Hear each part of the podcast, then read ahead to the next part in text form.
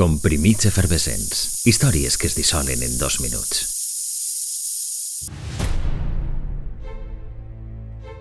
El Titanic acabava en el fons de l'Atlàntic la matinada del 15 d'abril de 1912.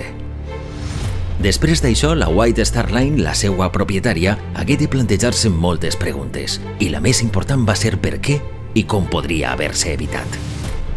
Com era lògic, les respostes foren aplicades a un nou projecte acabat d'entrar a les drassanes de Belfast. Un 26 de febrer votaven el britànic, el germà bessó del Titanic.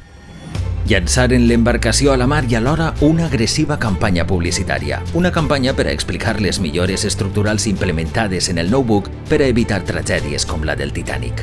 Diferències que es quedaven, això sí, en una qüestió estrictament tècnica.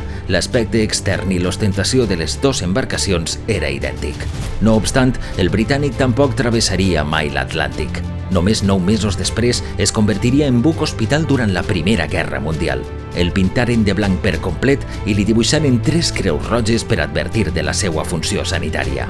Però l'acabat de renomenar vaixell hospital de Sa Majestat també acabaria en el fons de la mar de la mar Mediterrània concretament, davant l'illa grega de Kea, i no se sap massa bé si abatut per foc enemic o a causa de l'explosió d'una mina. Fou el desafortunat final del britànic que repetia el destí del seu germà Besó dos anys després de la seva botadura, un 26 de febrer de 1914.